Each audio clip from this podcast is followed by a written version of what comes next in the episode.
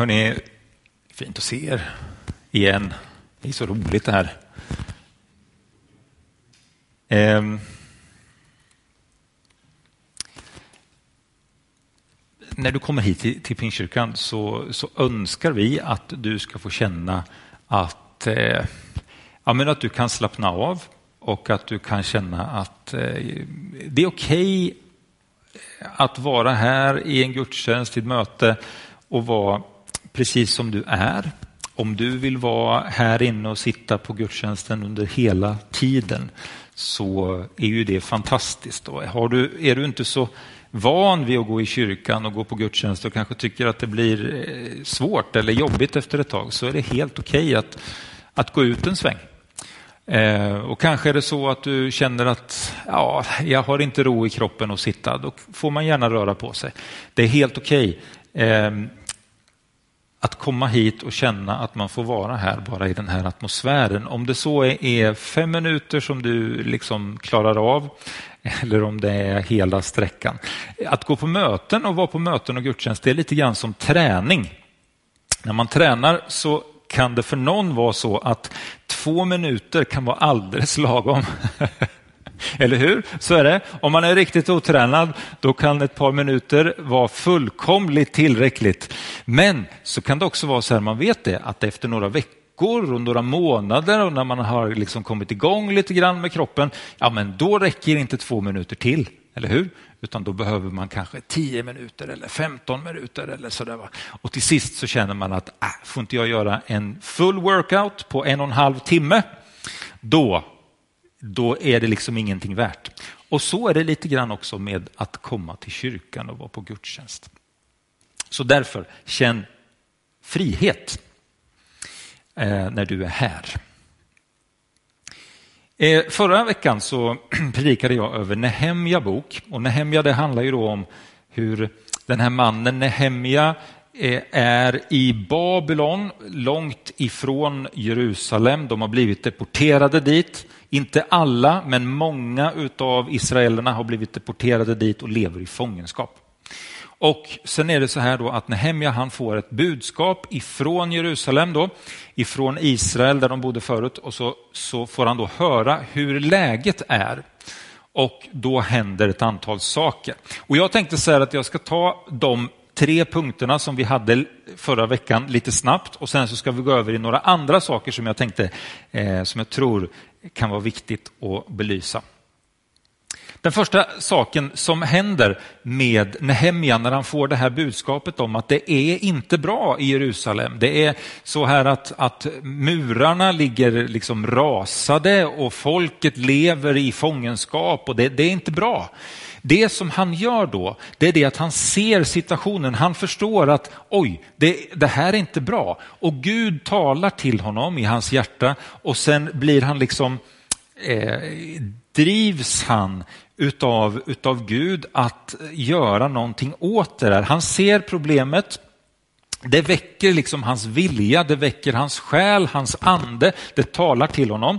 Och så ser han det här problemet, han ser situationen, så börjar han be för det och så, så börjar han också försöka göra någonting åt det. Eh, och, och så är det också då med när vi tittar på Guds rike eller Guds församling, den här församlingen eller kyrkan eller så, då kan man se saker och ting som man tänker att det där skulle kunna vara bättre, det där skulle vi behöva jobba på. Det finns människor här i vår stad som inte mår bra och så vidare. Det finns ett behov. Och när vi ser det behovet och när Gud talar till dig om något behov som finns, se då det behovet. Låt den helige ande få röra vid ditt liv och, eh, och liksom, eh, så att du liksom vill göra någonting åt det där.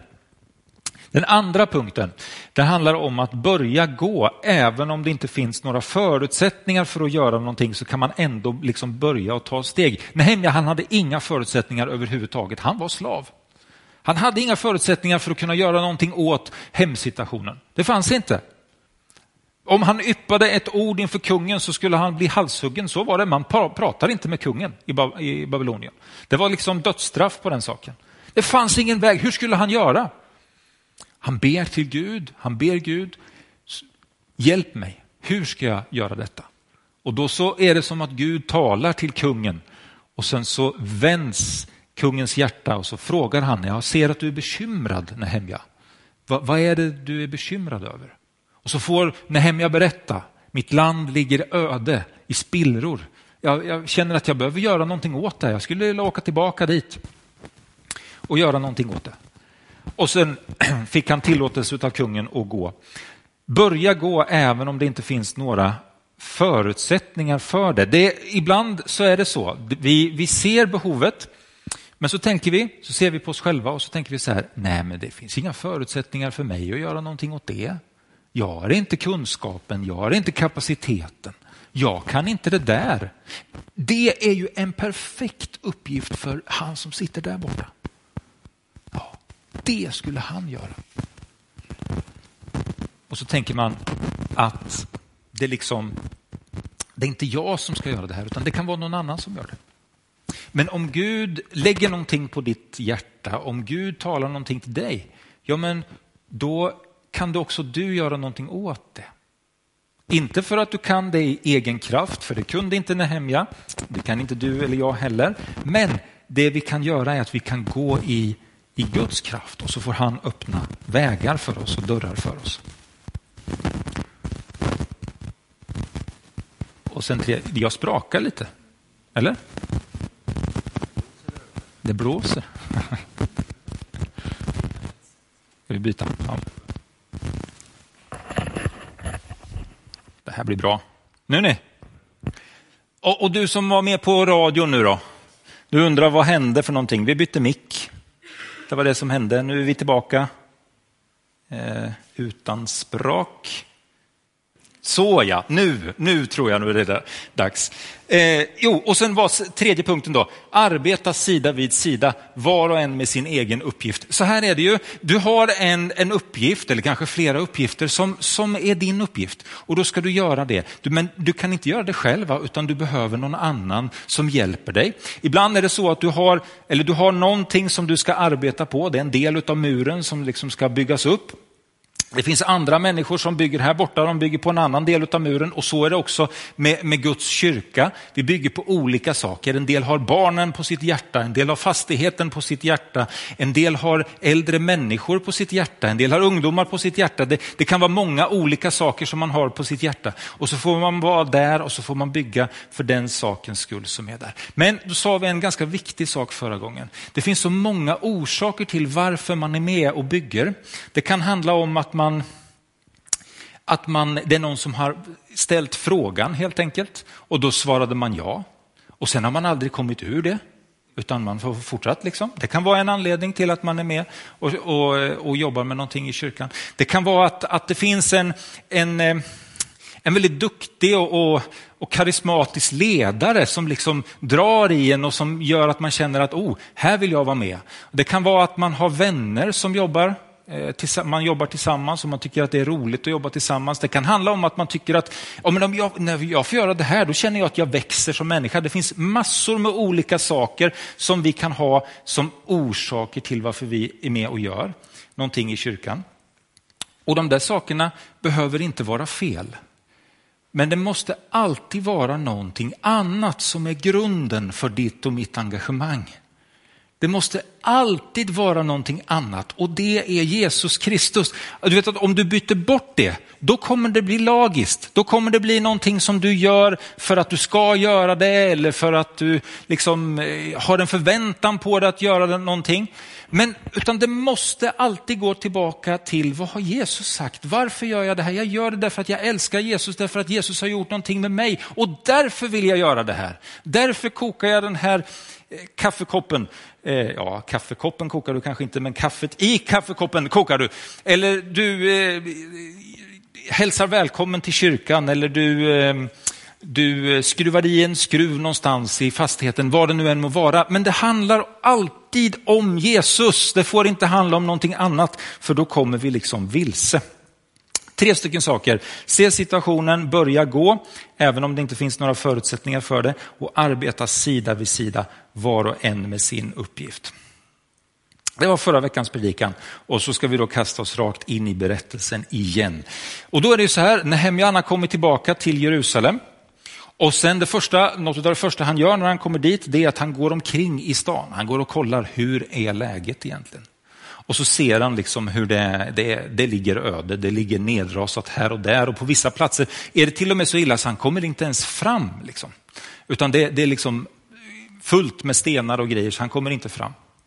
Och sen när han har gjort det där så går han till ledarna eh, och så säger han vad Gud har, har talat till honom om. Eh, och så säger han så här, nu sa jag till dem, ni ser själva hur illa det står till med oss. Jerusalem är ödelagt och dess portar nerbrända. Låt oss bygga upp Jerusalems mur igen och göra slut på vår vanära.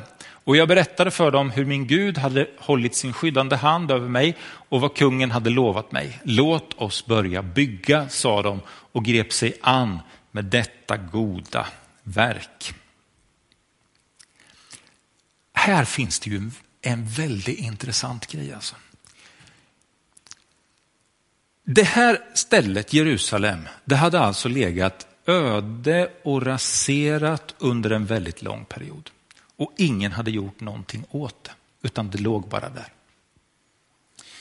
Sen kommer Nehemja och så säger han så här att, men hörni, vi måste göra någonting åt det här, Gud vill ju det. Och då händer någonting.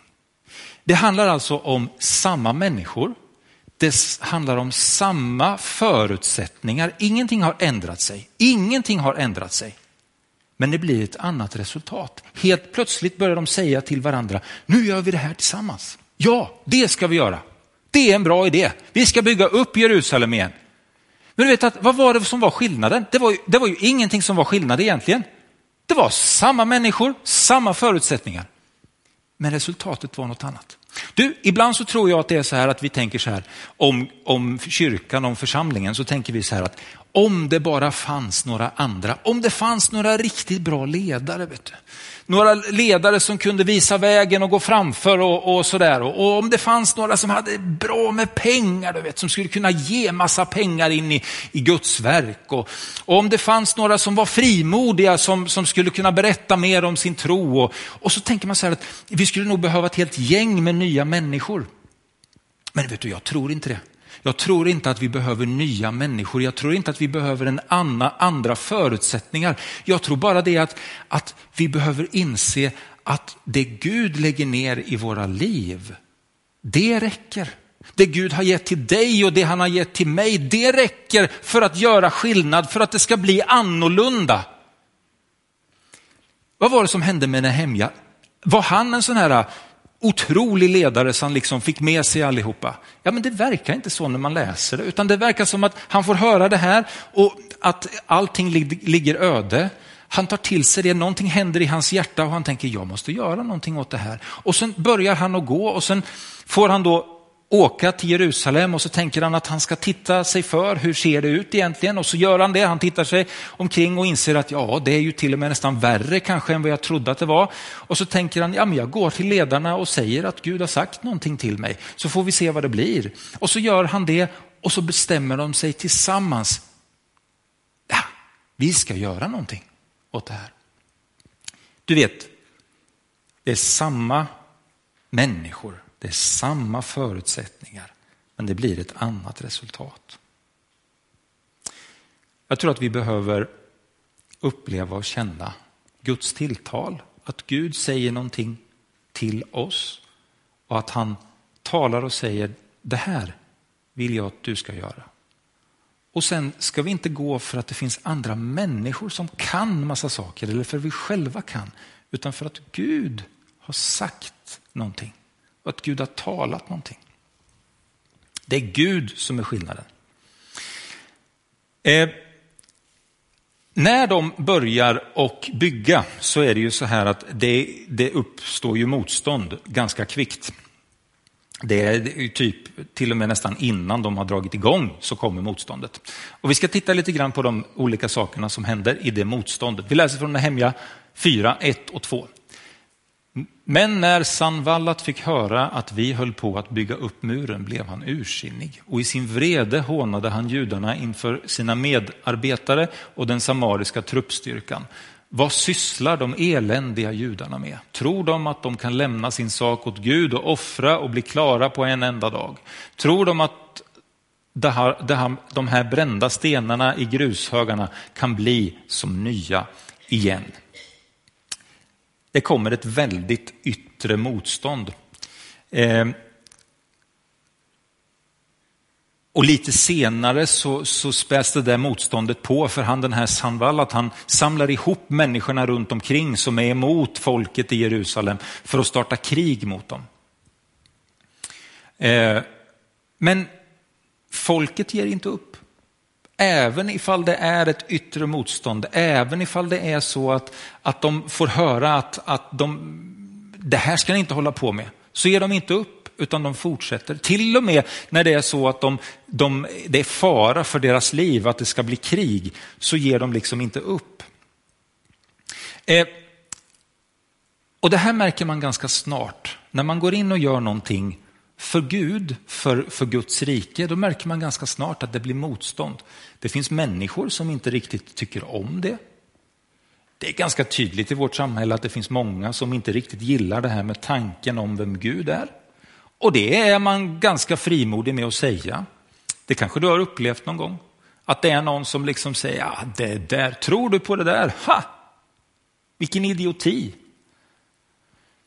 Det, det möter man ganska mycket.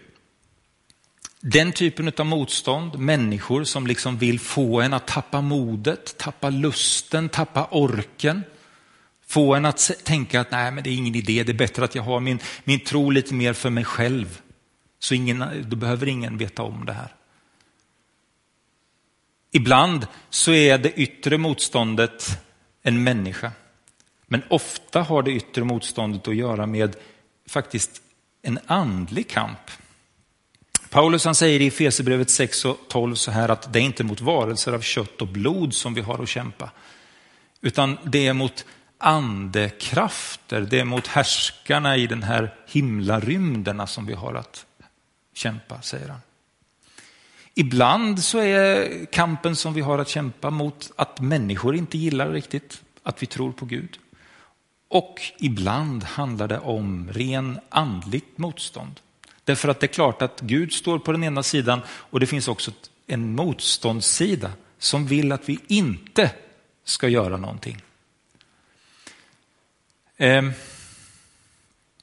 och då är det viktigt att komma ihåg att oavsett hur stort motståndet är och att det har funnits motstånd i alla tider faktiskt.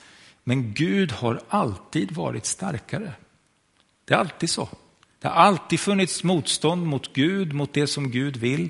Men Gud har alltid varit starkare. Han har vunnit seger och det vet du och jag. Vi vet att han har vunnit seger när han dog och uppstod på korset. Då vann han seger över just de här andliga makterna. Så vi har ingen, vi behöver inte vara rädda, utan vi får komma till honom och gå till honom. Men förutom ett eh, yttre motstånd så finns det också inre motstånd. När de har jobbat ett tag på murarna så tycker de att nu börjar det bli jobbigt. Ungefär halvvägs är de. Då är det, börjar det bli jobbigt och då kan man läsa i Nehemja 4 och 10 så här. Men folket i Juda de klagade. Bärarnas kraft rinner ut, mycket grus är kvar, all vår ork är slut, muren blir aldrig klar. Det är lite rim på det där också. Det är nästan som en liten sång de gick och gnolade på. Ja, upplyftande och bra liksom. All vår ork är slut. Ja, ni vet va? Så kanske det var. Inte vet jag vem som skrev den texten, men eh, det var så de tänkte. Och hörde, ibland så är det så här att det inre motståndet som du och jag har, när vi tappar tappar lusten, när vi tappar orken, när vi känner liksom att nej men det är väl ingen idé. Jag, jag kan lika gärna sluta med det här, liksom det, det spelar ju ingen roll det jag gör. Och, och, så där. och den där lilla rösten som finns där inne som säger till oss att nej, du kan ju inte det här. Varför gör du det här? Det, det, det finns ingen som tycker om dig egentligen, de bara låtsas. De, de, de, de skrattar och de ler när de träffar dig, men de tycker egentligen inte om det. Vet du. Det är bättre att du håller dig hemma. Va? Och, och, och det här med att du, att du går och gör den, de där sakerna, du vet, sluta med det. Sluta med det istället, det är bättre sätt dig hemma vid tvn istället. Vet du. Det är mycket bättre. Vet du. Slipper prata med människor. De, de, de, egentligen så är det bättre att du gör det. Vet du. du vet att det finns väldigt mycket sådana tankar som går i våra sinnen som, som vill berätta för oss om att vi inte duger, att vi inte är tillräckligt, att vi inte är tillräckligt heliga, att vi inte är tillräckligt andliga, att vi inte har tillräckligt med kraft eller kapacitet eller vad det nu må vara. Det finns massor med sådana tankar som kommer. Och jag är säker på att de flesta här inne har, har tänkt sådana tankar någon gång. Men jag kan inte. Det finns ett inre motstånd som vi behöver jobba, jobba mot. Och det, det är svårt att bryta de tankarna i egen kraft. Det ska vi inte göra. Jag tror att det är svårt att bryta det i egen kraft. Men det man kan komma ihåg det är istället då, vad säger egentligen Jesus om mig? Vad säger Gud om mig? Vad säger han om dig? Han säger att du är skapad övermåttan underbar, säger han. Han säger om dig att du är hans barn. Han säger om dig att du är älskad. Han säger om dig att han, han tror på dig.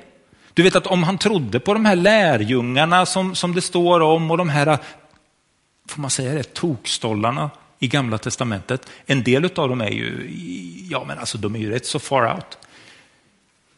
Och man tänker, hur, hur, hur, tänkte du Gud när du sände de här? Men du vet, om, han, om han trodde på dem, vet du, då tror han på dig. Helt övertygad om det. Men vad är det för tankar, vad är det för inre motstånd som finns hos dig? Att försöka byta ut det mot det som faktiskt Gud säger om dig, om vem du är. Det är viktigt. Eh, hur gjorde då Nehemja och de här som var där när de mötte det här yttre och det inre motståndet? Jo, men då gjorde Nehemja så här, då sa han så här i Nehemja 4 och 14. Efter att ha inspekterat dem sa jag till stormännen, styresmännen och resten av folket, var inte rädda för dem.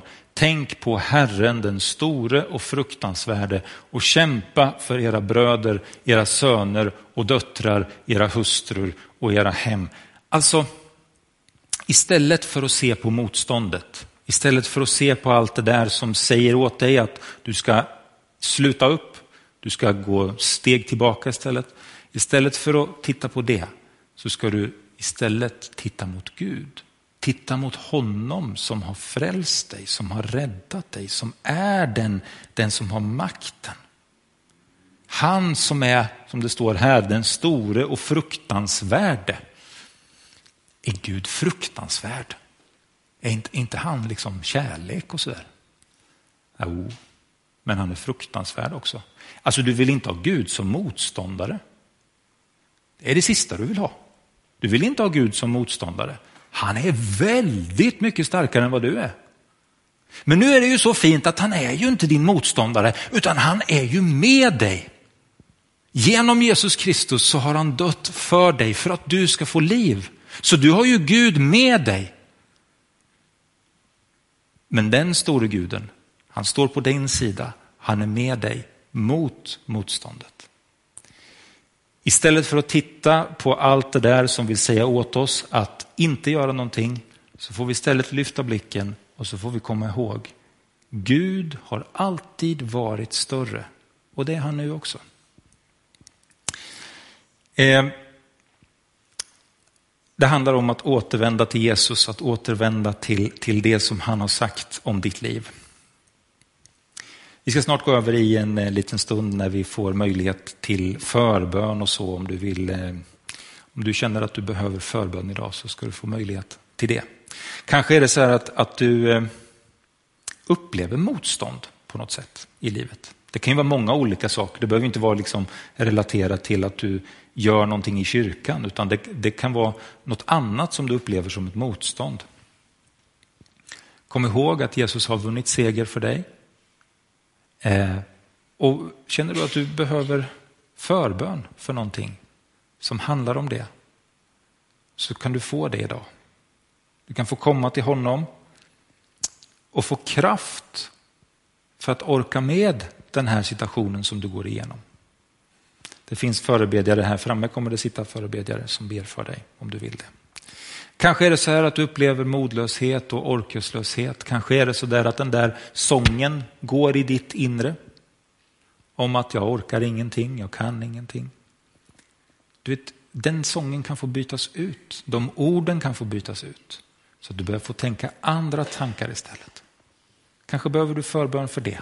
Så att du får, får nya tankar. Att du får tänka rätt tankar om dig själv. kan du komma och få för, förbön. Och Kanske är det så här att du inte har upplevt eller inte tagit emot Jesus. Du kanske bara har, har hört talas om honom. Du kanske har hört att han, han, är, eh, att han dog på korset för din skull, att han uppstod, men du har aldrig sagt att ja, men jag vill tro på honom, jag vill följa honom. Då kan du göra det idag. Du kan ta det där första steget och, eh, och säga jag vill tro på Jesus. Och Det kan du göra på många olika sätt. Eh, men ett sätt är att, att komma fram och berätta det för någon annan. Jag skulle vilja göra det, vill du be för mig? Då hjälper vi dig och ber för det. Att komma till Jesus, att komma till Gud, det är inte så svårt. Det handlar egentligen bara om att säga Gud, här är jag, det här är mitt liv. Ta hand om mig, förlåt mig för mina fel och brister. Och då tar han emot dig. Och så får du bli hans barn. Ehm, så till dig som upplever motstånd, till dig som upplever modlöshet, orkeslöshet, eller till dig som vill ha förbön för att bli ett Guds barn, välkommen fram. Eller känner du att det är något annat som jag vill ha förbön för? Då kan du också komma fram. Nu är vi en liten stund inför Guds ansikte, i bön och i lovsång och i förbön. Jesus, tack för att eh, du är här just nu och jag vill be dig Jesus om att du berör våra hjärtan, Herre. Jag vill be dig, Herre Jesus, om att du berör Eh, på djupet i våra tankar och våra liv, Herre. Du ser vad vi behöver. Jag ber om styrka in i kämpiga situationer, Herre. Jag ber om nya tankar där, där det finns tankar som vill dra ner. Jesus. Och så ber jag också, Herre Jesus, om, eh, om tro för den som vill ta emot dig och komma till dig, Herre. I Jesu namn.